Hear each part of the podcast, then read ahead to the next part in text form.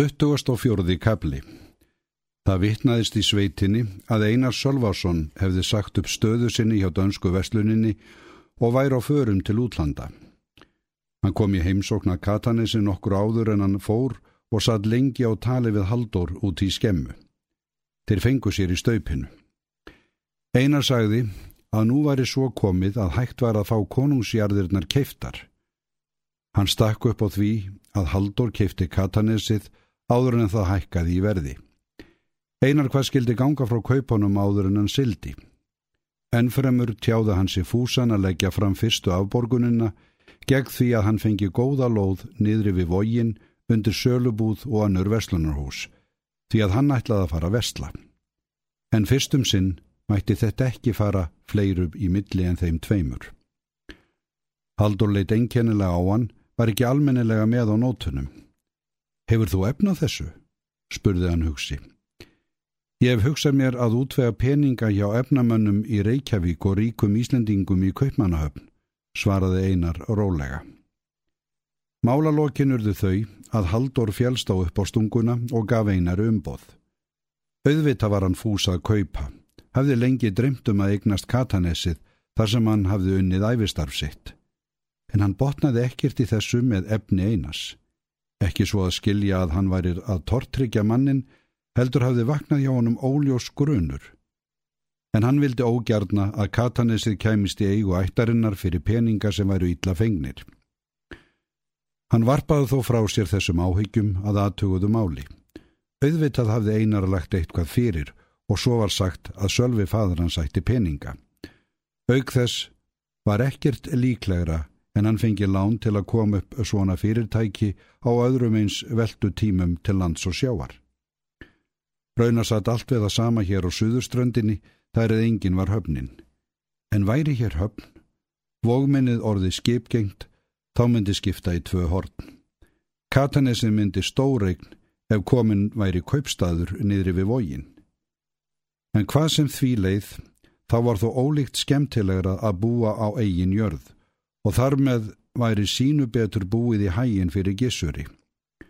Auk þess gæti Haldur hætt að skipta við Samuelsen þegar nýja veslunin kæmi, þyrti ekkert að hafa saman við Salvuru og mann hennar að sælda. Já, hún Salvur. Sannarlega hataðan hana og myndi alltaf gera en hann gati ekki að því gert að síðan Þorsteit kom óskaðan þess með sjálfum sér að hann gæti upprætt þetta hatur úr huga sínum svo að hann fengi notið hinnar nýju gleði í friði. Hann reyndi á allan hátt að bera í bætifláka fyrir Salvuru. Ástinn kom nú svo mörgu til leiðar og Salvur hafði vist naumast komið verð fram við hann en hann við hanna. Auk þess leit út fyrir að gunna hans yrði hamingjusum svo að ekki var neittna harma að hefna vegna hennar.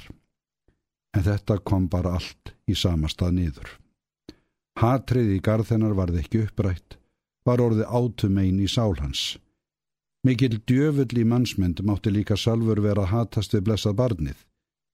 Því gæti hann aldrei glemt.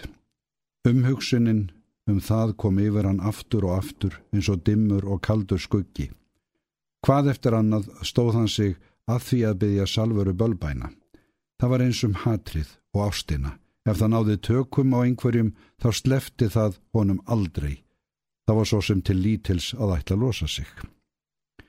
Annars fannst honu lífið orði öllu bærilegra. Nú var hann hættur að hafa áhyggjur út af gunnu því að hann vissi að hún hefði unnið bug á sorgsinni. Hann hafði fundið aftur sinn forna fagra draum sem var grafin og glemdur um hríð. Hann flíkaði honum ekki Þetta var eins og dýrmætur fjársjóður sem aður handlikur ekki meira en þarf, en hann var þarna og veitti honum vörn gegn kvíðanum og hatrinu. Nú var hann orðin gamal og farinn, dagar hans sem taldir, hann vissi að hann öðlaðist aldrei þá hamingju sem hann heitast þráði. Ef hann hafði þá ekki öðlast hana. Hann hafði elskað Marju og fengið að njóta hennar, kannski var það hansök ekki síður en hennar hvernig hjónaband þeirra fór. Henni hafði þótt væntum hann, en hann oft verið kuldalegur og ónærgætin við hanna. Nú var hann orðin hrum og sjóndöpur, en starði þó laungum á hann eins og tryggur rakki, sem sárbænir með augunum um klapp og kjass. Hann ætlaði að gera sér farum að vera henni góður. Hann hafði verið venjufremur nærgætin við hana síðan Þorstein kom og séð sljó og blóðhlaupin augu hennar ljóma af gleði. Já, hann hafði skilið hvernig henni leið og fengið löngun til að miðla öðrum af gleði sinni. Ingilín hafði verið þannig gerð, hún gerði alla glada og káta, eins og gunna hans og hún skildi ekki horfa upp á það að hann væri einhver öfugugi. Hamingjan. Guðmátti vita nema hann hefði hlotið það hlutskipti í lífinu sem honum hentaði best þegar öllu var á botnin kvöld. Var víst að hjónaband hans hefði orðið gott og farsælt þó að hann hefði fengið konunar sem hann unni í æsku. Kanski var svo Ingilín sem hann elskaði aðeins draumurinn um hana, eins og hún var þegar hún var 17 ára en þann draum ætti hann svo lengi sem hann livði og enginn gæti flekka þann eða tekið hann frá honum. Hún var í förmið honum þegar hann stöulaði steinmanna leiðarsinnar, hljóp léttstíg við hlið honum og endurminningin um kvellan hlátur hennar vakti honum unað og gleði. Hann hafði svo sem hugan við fleira en hana og víst unni hann fleirum en henni, en hún átti sér bólstað innst og dýfst í sálu hans og hún stutti hann og styrti þegar mest á reið. Ástin var ljúf og góð, enda þótt hún væri aðeins draumur, bliknað blóm. Hún gerði öllum lífið bjart og unaðslegt, jafnvel gömlum, vonsveiknum og bækluðum vesalingi eins og honum.